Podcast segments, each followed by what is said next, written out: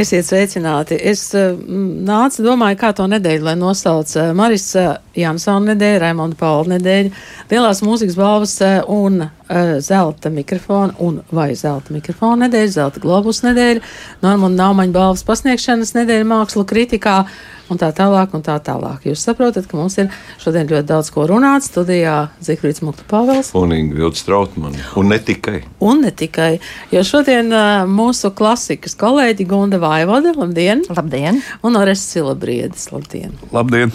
Nu, ja jums tagad ļautu um, šo nedēļu apzīmēt, kā jūs teiktu? Nu, Marijas Jansona nedēļas sakarā man ir daudz kas gājis secen no vistava nosauktā. tā kā tas, protams, primāri, bet skaidrs, ka vakar bija lielās mūzikas balvas nominantu izziņošana, un tas mums, protams, kā mūziķiem arī ir salīdzinoši liels notikums. Diskutabls notikums. Jā, arī dažkārt, jo ir, protams, nu, viedokļi taču ir vienmēr subjektīvi, kaut arī tas kvorums vienmēr tiek ņemts vērā, bet um, Uh, nu, māksla vispār ir subjektīva, un ir daudz kas sapas, un ir daudz kas šķiet, kur pazuda. Vai Valsts. drīkst iesprāgties ar Lūdzu. pašuzslavējumu, ka klasikas top 10 man li likās daudz simpātiskāks? To mans vīrs šorīt teica. nu, jā, bet tā ir tāda mūsu paša slavēšana. Bet uh, ir, protams, ļoti, ļoti atšķirīgs, man jāsaka, šoreiz Lielās mūzikas balvas nominantu saraksts. Tur tiešām nav vārdi, kas ir bijuši daudzi vārdi, kur nav bijuši agrāk. Es pieņemu, ka daudz vārdi arī pat koncertu apmeklētājiem varbūt būs pasveši, jā, jo tie nav tie mainstream, varbūt mākslinieki daži. Bet, nu, lai parādās, un tad jau lūkosim, lai iepazīst. Jā. Varētu būt, ka tas ir tā apzināti meklēts tie, tie vārdi, kas ir nu, no jauna jāiepazīst. Grūti teikt, es ceru, ka tas nav ņemts kontekstā ne ar vienu citu, teiksim, balvu vai žūriju un vērtējumu, lai būtu kaut kas speciāli atšķirīgs. Ja, tad tas būtu, man liekas, garām. Jo, nu, ja kaut kas eh, atkārtojas vai dubultojas, tad tikai tas apliecina, ka tas tiešām ka ir kaut kas labs un kaut kāda kvalitāte. Jā, tā kā Ne, varbūt tā ir drīzāk žūrijas izpratne par to, kāds ir bijis pagājušais gads klasiskajā mūzikā. Tad, tad varbūt, nav ļoti spilgtās lielās virsotnes žūrijas ieskatā, jā, bet atkal ir daudz tādu mazā tīklojuma, nu, kas prasītos izceļams dienas gaismā. Nu, man ir viens ļoti liels kreņķis patiešām pie jaunajiem māksliniekiem. Es atļaušos to pateikt. Man liekas, ka Katrīna Felsberga bija pelnījusi nomināciju kā gada jaunais mākslinieks, jo viņai tiešām šis gads bija ļoti spožs un dāsns ar operu un kameru mūziku. Un ar ar jaundarbu atskaņojumiem, un viņi tiešām bija klātesoši un ļoti, ļoti labā līmenī. Tā kā, nu, bet visi, visi nekad neietilpst, un viedokļi ir daudz. Žūrijā cilvēki septiņi, jā? jā, septiņi cilvēki tajā žūrijā, bet zelta mikrofona žūrijā kudīja vairāk cilvēku, un sociālajie tīkli, es saprotu, arī diezgan uzsildīti ar dažne dažādiem komentāriem par to, kam vajadzēja būt un kam nevajadzēja būt, un zelta mikrofona žūrijas iekšējā sarunas, es domāju, ka vēl ilgi pēc šī notiks. Ar citu arī klasikā, jā, viena no Orfeja ausīm mēs veltīsim zelta mikrofona analīzē. Tu biji žūrijā, varbūt? Jā, man patīk to darīt, jo tad es esmu spiests noklausīties to, ko es citādi nenoklausītos. Bet tas ir nenormāls apjoms. Bet jo... tu noklausies tikai klasiskos mūzikas nē, nē, nē, nē, nē, nē, nu, klasiskos jau es tāpat zinu. Tur faktiski atliek tikai sarindot, bet uh, džess, indija, funk. Nu, tad uh, lielākais tavs atklājums. No zelta mikrofona? Jā. Ai, nē, es nācu, gatavojies runāt par ko citu. Zelta mikrofons nu pat jau ir aizslaucījies prom, fails ir deaktivizēts. Zelta ātrumā. mikrofons nevar būt vēl aizslaucījies. Citu, prom. iespējams, ka tieši tautas mūzikā, tagad uzreiz nepateikšu, kurš albums, bet es gandrīz pagāju garām vienam, kas bija ļoti simpātisks, autentisks un tautas mūzikas kategorijā. Man vienmēr ir žēl, ka auļi un tautu meitas un citi tautiskie popmūziķi izspiedīs tos, kas ir varbūt daudz interesantāki, dziļāki, pētošāki. Un tā tas ir vienmēr, un tur neko nevar darīt. Nu, redz, to jau tagad nonāca pretrunās, ja tas mainstreams varētu izspiest tos interesantos. Jā, nu tā lielā lavas straume un tās mazās straumītes, kas ir apkārt. Skaļākie, ko pamana. Jā. Jā, kā jau jūs nojaušat, mums šodien ir ļoti daudz ko runāt. Zikfrīd, labrīt! Nu, es klausos, jūs tik gudri runājat. Zikfrīds bija aizmidzis. Es, es, vienkārši... es klausoties jūs, iedomājos, ka ja par mūziku tik daudz runājam, mēs varētu arī kādu mūziku paklausīties. Mēs varētu ātri paklausīties. Nē, bet es, es domāju, Zifrīdam, man tomēr ir tas jautājums, kā, kā tu nosaukt šo nedēļu mm, priekš sevis. Nē, nu, Ingūna, kā es varu nosaukt nedēļu? Tu man visu laiku saki, tik daudz tās tēmas. Es vienkārši brīnos, kā tu nevari izvēlēties, par ko tad gal galā runā. Nu, tā sievietēm mēdz būt, jā. Jā, jā nu, man eh, klausāmā nedēļa, tā es varētu nosaukt. Visu, ko klausos, kultūras rondo, klasiku klausos. Un priecājos, ka mēs esam tik bagāti un daudzveidīgi, un ka ir ko klausīties gal galā. Labi, nu tad tā lai arī būtu. Es, eh, kā, kamēr es jau drīkstu runāt, eh, tad um, es nenogurusi šajā nedēļā visiem turpinu stāstīt, ka ir jāizmanto iespēja un jānoskatās islandiešu filmu Dievzeme. Tā tiešām ir fantastiska pieredze, kuru man Zifrīds noteikti varētu apstrīdēt, bet tā tiešām ir lielā ekrāna pieredze. Bet Trešdien bija Jā. Pirmizrāde, jā. Jā, Rīga IF eh, galvenās balvas ieguvēja filmu, kas ir e, fantastisks, gan vizuāls, gan filozofisks, eh, gan arī skanisks baudījums. Bet tagad gan tiešām mūzika un Maris Jansons.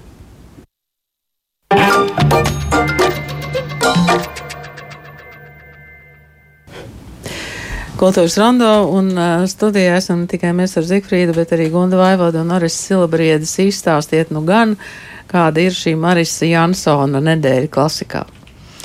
Nu, nedēļa tiešām jau ir no pirmdienas jau sākusies. Jau piekdiena, un, jā. jā, un nu ir jau piekdiena, un katru vakaru mūsu kolēģi gatavo vairāk nekā divu stundu garas programmas ar Marijas Jansona ierakstiem, ar viņu komentāriem, ar dažādiem recenziju fragmentiņiem, ar viņa paša balss ierakstiem un intervijām.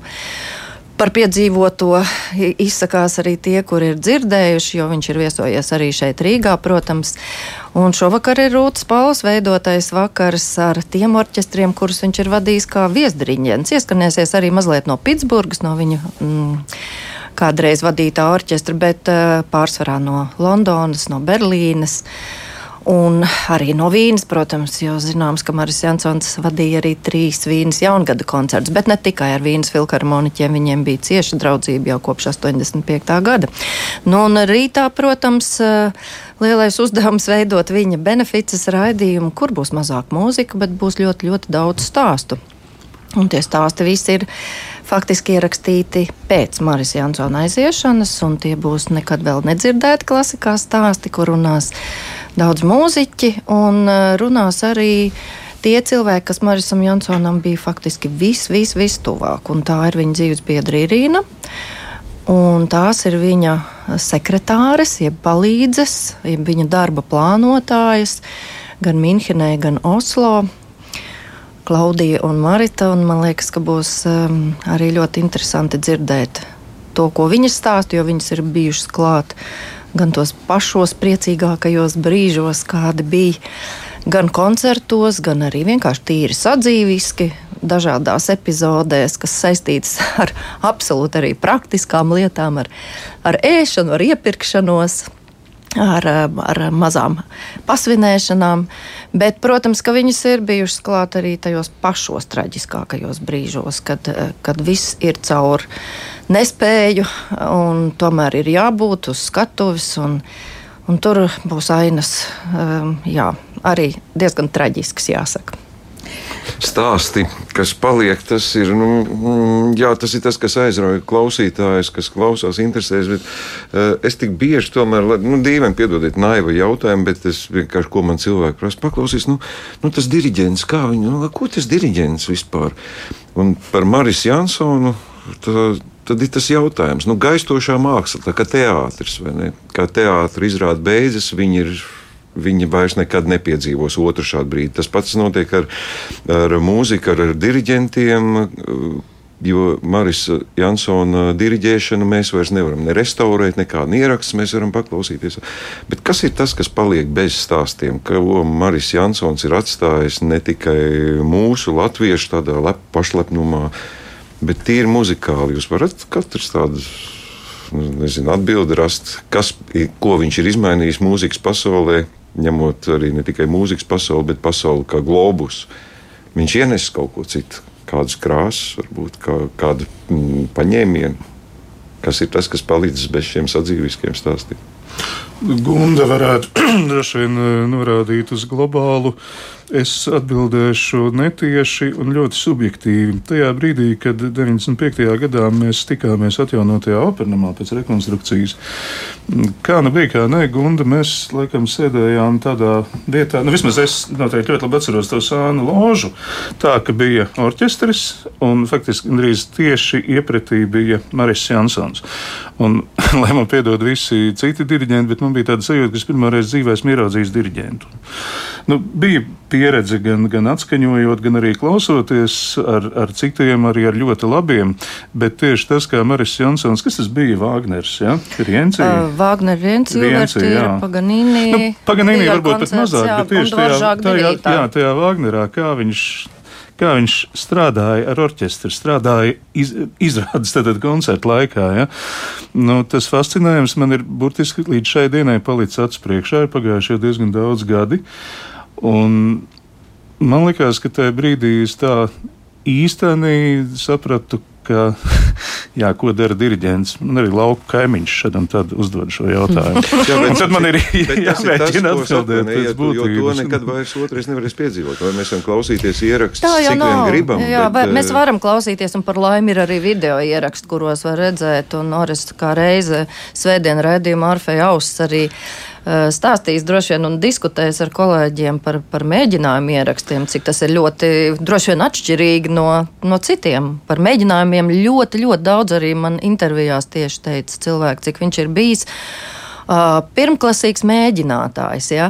Citi saka, ka par daudz viņš ir mēģinājis. Ja? Jo Amsterdams muziķis tieši teica, ka viņš ir bijis perfekts mēģinājumos, bet tieši bavārieši, ja, kuriem bija Lorina Māzela pieredze pirms tam, kurš bija tik relaksēts un vienkārši atnāca. Viņš bija tāds daļš, viņš visu zināja, pats partitūras, visas no galvas. Viņam bija fenomenāla atmiņa. Ja? Un viņš mēģināja ļoti maz, un tad koncertos bija tie uzplaiksnījumi, un viņš uzticējās, un tur radās tā lielā māksla. Maris nekad. Pilnīgi nekad tā neatļāvās. Viņš absolūti perfekti mēģināja, bija sagatavojies. Un tajā pašā laikā, jā, to teica tieši Amsterdams cilvēki, viņš ļāva to brīvību. Viņš gāja līdz riskam. Tas fēnējs teiciens, viņš saka, es zinu, es nezinu jūsu robežas, tas būs tagad risks, protams, ko jūs darīsiet. Bet nu, nospēlējiet tos četrus piano pūtējiem, viņš saka. Bet jūtieties komfortabli. Ja? tas, nu, tas bija tā, bet vienalga tie mēģinājumi bija ļoti strikti un precīzi, bet koncertā vienalga tā bija garantija. Un viņš arī koncertu mēģinājumu. Bet nav padarīt. tā, ka nu, pa teātri kādreiz saka, nu, pēc Staņislavska, un tad kaut kas tagad pēc Jansona, ka ir kaut kas tāds, ko viņš darīja citādāk kā visi citi. Nav tāda termina. Ne, es nedomāju, ka mēs tā varētu pateikt, jo mūziķu ir tik daudz, un katram nu, tas ir uzreiz stāsts par interpretācijām. Tad droši vien, ja kas paliek, tās ir, protams, atšķirīgas. Tās ir atšķirīgas. Un, Un Marisam Jansonam, protams, ir savs rokraksts, bet, lai es tagad pateiktu par visu plašo repertuāru vienā vārdā, to ļoti grūti noformulēt. Ir. Nu, teiksim, Karajāna nu arī ar ko viņi primāri droši vien atcerās ar kompaktdisku. Ne jau ar tiem daudzajām interpretācijām, ar, kas ir. Ja? Ar sarkano ar sporta mašīnu, sporta mašīnu, lidmašīnu. Ja? Un, un tāpēc es domāju, ka diriģenti pasaulē diez vai var pateikt, ka pēc šī diriģenta lūk bija tā un tā. Varbūt kaut kur attiecībā uz vēsturiskajiem lasījumiem. Nu, tur, protams, var teikt, jā, kā sāka Norringtons Arnonkurs, kā pārņēma Gardiners, kā tagad mūsdienās jau atkal pārņem jau jaunu pieredzi. Varbūt, ka tur jā, bet, bet filharmoniskajā ne. pasaulē es pat nezinu, vai tas jā. ir vajadzīgs. Varbūt tajā pašā pašā diriģēšanas stilā viņš bija ļoti īstenībā artistisks un skatuvisks diriģents. Ja? Da, nu, man, man jāsaka, viņš skaisti diriģēja. Ne tikai to, ka tā mūzika radās un tas bija pilns ar saturu, bet viņš bija arī vizuāli uh, skaists. Nu, tur ir tā harizma, vai ne? Tu saki, ka nu, grūti diriģenti pasaulē, bet kur Orists ir viens cilvēks, kurš ir traumēts uz mūžu pēc viena mirkļa, vai ne?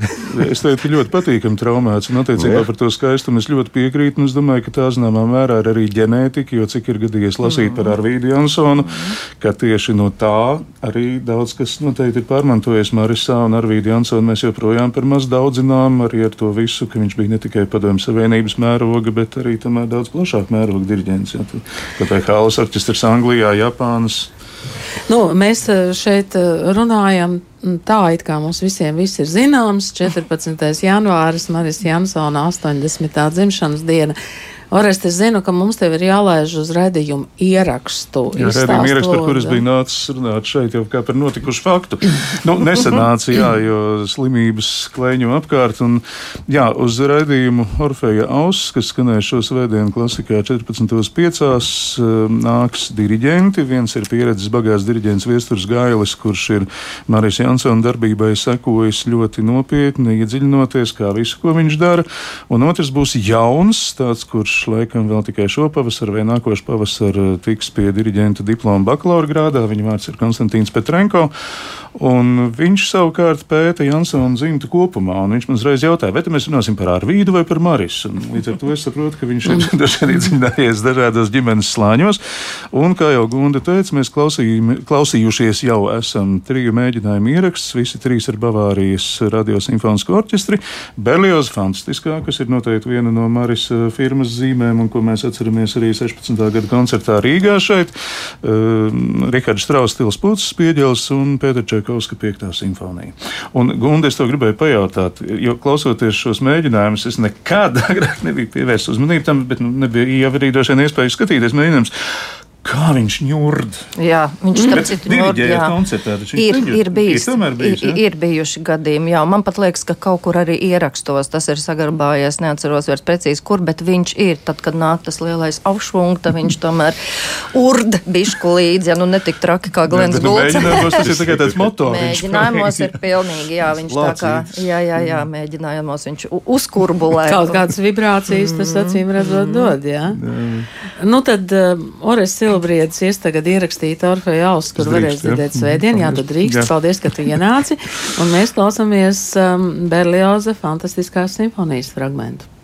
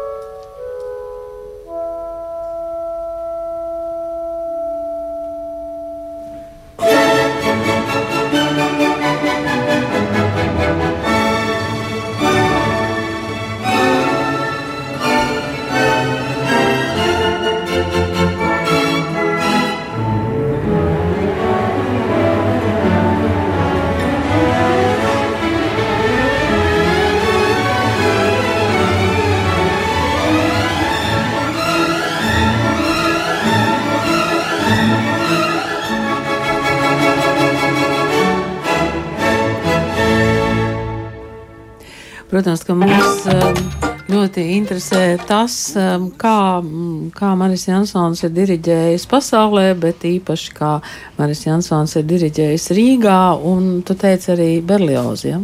Jā, arī šo fantastisko simfoniju, bet vakar ilgai, kā reiz bija klasikā vakarā divu ar pus stundu gara programma tieši par uh, Maris Jansona viesošanos Rīgā, kas te jau ir kopš 1968. gada. Viņa pirmais koncerts kopā ar Filipu Hiršhornu, pēc tam jau 71. gadā tas ieraksts mums ir saglabājies par laimi un ir daudz bijuši. Es jau te pieminēju operas restaurācijas, atjaunošanas koncertu. Un, protams, tas leģendārais vakars ar Raimondu Paulu, kas tiešām bija tāds viņa sapņa ļoti, ļoti skaists piepildījums. Marisa sapņa un Raimondam Paulam, es domāju, jā, arī. Jā. Uh, jā, bet viņš ar ļoti lielu atbildību pie tā pieķērās. Es nekad neaizmirsīšu to brīdi, kad es pirms koncerta iegāju pie Raimonda Paula. Viņš sēdēja istabā. Uh, Anita tur vēl bija klāta, jā, un, un tā koncentrēšanās, kas bija, un, ja godīgi, nu viņam jau tāda klasiskās mūzikas spēlēšana ar orķestri un vēl ar tik lielu diriģentu tā praksē jau nav. Un mēs visi bijām nedaudz uztraukušies, bet es domāju, ka viņš izdarīja vispār labāko, ko viņš varēja izdarīt. Un tas ir apbrīnojami. Noņemt visu to stresu, to ārprātīgo atbildības sajūtu un izdarīt tajā brīdī labāko.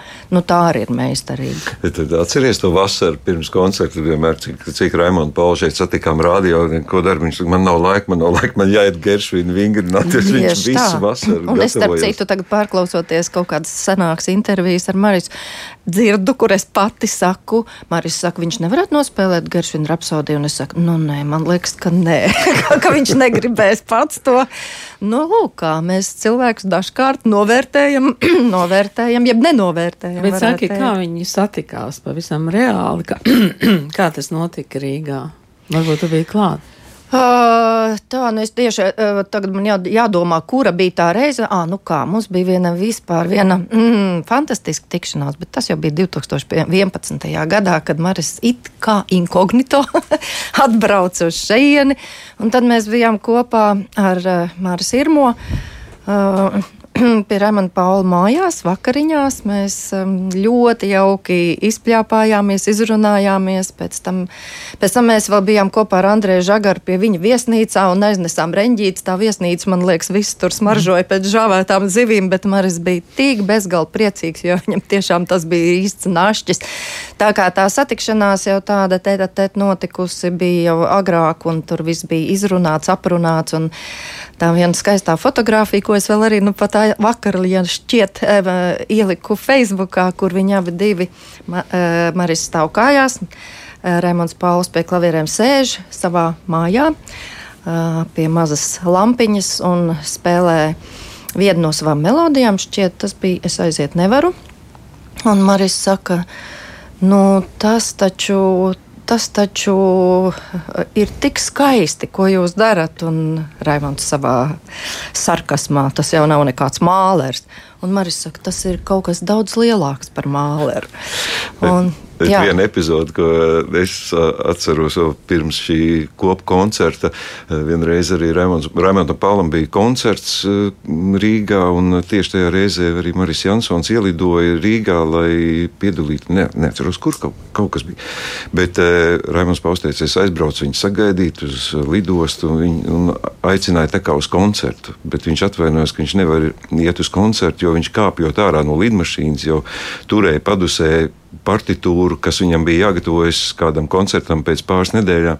Un es vienkārši domāju, ka šī attieksme pret darbu gan uh, Jansonam, gan Paulam ir diezgan līdzīga, jo tā atbildība, ar kādu viņi pieiet, katrs nevis tur mēģinājumā ar citiem muzeķiem, viņi paši pret sevi ir vienkārši nu, vaiprātīgi atbildīgi. Un tas Maris Jansons šī mm, atbildība, ka viņš var lidmašīnā sēdēt un šķirstīt partitūras un iet cauri un gatavoties. Ne tikai lidmašīnā, viņš arī Maldīvu pludmalē sēdēja ar bija liela partitūra, un, starp citu, viņa sieva Irina atcerējās eh, savu iepazīšanos ar Marisu Jaltā, kad, kad viņš ir pludmalē sēdējis ar milzīgu grāmatu. Un viņš saka, tam gan ir jābūt vienam gudram vīrietim, jo viņa tā sākumā nebija vispār atpazinusi viņu. Ja, un, Un beigās izrādījās, ka tā grāmata ir Penderecka partitūra. Bet nu, tos visus stāstus jau es droši vien ceru, ka tomēr tajā grāmatā kādreiz sakompilēšu, jo viņi ir tik nenormāli daudz. Un tagad, protams, priekš mm. raidījuma tu knābā tās sekundes un tā, neko ielikt nevar. Tā tad tu raksti grāmatu. Eh, zini, kā saka Laima Slava, kura ir apņēmusies varbūt ar neputnu kādreiz to uzrakstīto grāmatu, varbūt izdevot, viņa saka, tu beidz vienreiz krāt tos materiālus un sāc rakstīt, jo šobrīd vēl ir tas nenormāli lielais eh, krāšanas, intervēšanas eh, process, kurā, protams, atklājas ļoti daudz visādu vērtīgu epizodu, piemēram, nu pat Oslo kur es satikos ar Maris sekretāri jau kundze gados. Nu, viņa izstāstīja tik brīnišķīgas tādas e, epizodes par to pašu sākuma laiku, jo Oslā bija pirmais viņa lielais Eiropas orķestris par to ārprātīgo trūcību arī, kāda bija padomju cilvēkam, kā viņš tur vesel, veselē nedēļai ar mammas sasmērētām sviestmaizēm brauc uz Oslo, un, lai, lai nesabojātos lika logā un beigās kā es to visu izzegu un viņš nedēļu palika nēdis. Ja? Tie stāsti ir tādi līdz, protams, nu, graznai dzīvošanai imperiāla viesnīcā un tā, ka tev ir uh, mašīna priekšā un pakaļā, ja, bet tas jau nebija tāpēc, ka viņš gribēja grezni dzīvot, bet tas bija vienkārši tāpēc, ka nekad nebija laika. Es viņu esmu intervējis tiešām bezkaunīgi pusvienos naktī vēl uh, pēc tam.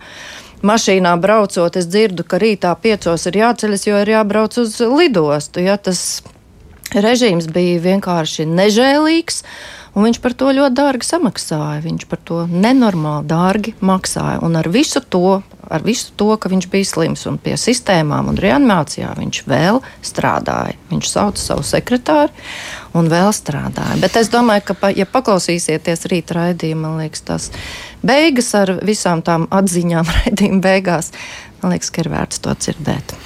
Nu jā, Maris Jansona jubileja rīt, bet uh, es nevaru nociesties arī pieminēt, jo mēs jau vairāk kārt pieminam Raimondu Paulu, kura neapaļā jubileja vai skaistā jubileja vakar tika atzīmēta Gunda, zinot to, ka tik daudz tev arī bijuši kopā ceļā ar Raimondu Paulu.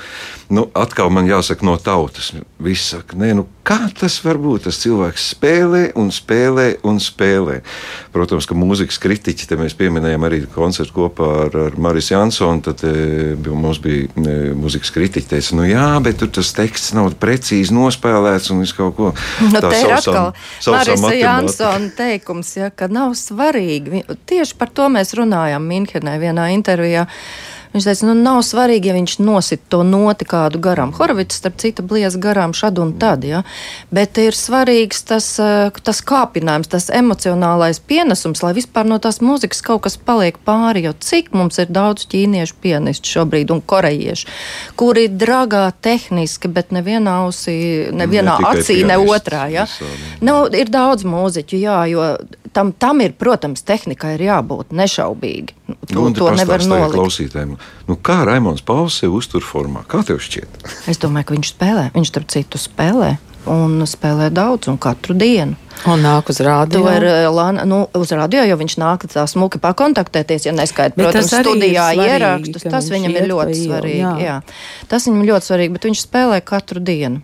Patiešām, un, um, nu, Tas ir apbrīnojami, un to gan mēs varam katru dienu pateikties Dievam, ka mums ir šāda iespēja būt vēl kopā ar tādu cilvēku ja, un mācīties no viņa nu, patiešām mācīties, bet mēs jau visi tādi bišķiņi pustraki esam, kas pa naktīm strādājam. jā, jā, jā. Es daudziem muziķiem varu tikai ieteikt paskatīties uz Raimonu Pau, paskatīties uz Minūhinu vai Grepelli, kuri pēdējiem spēkiem uzkāpj uz skatuves, bet spēlē un spēlē. Viņi jo starp tāpēc, citu, katru dienu spēlē. Jo starp citu, Maris Jansons pats pēdējais koncerts Kārnigī zālē, jā. Ja pirms viņa aiziešanas. Nu, viņam ārsts bija, protams, noliedzis diriģēt to koncertu, bet nu, viņš ir aizbraucis uz Ameriku ar savu Bavārijas orķestru. Nu, kā viņš var nediriģēt? Nu, viņš diriģē, viņš nodiriģē pirmo daļu, tur ir jau sagatavots krēsls gadījumā. Ja viņš krīt, tad eh, koncertmeistaram ir vai nu jānoliek vijoli uz tā krēsla un jāķer diriģents, vai nu jāapsēdina diriģents. Tas jau viss bija atrunāts.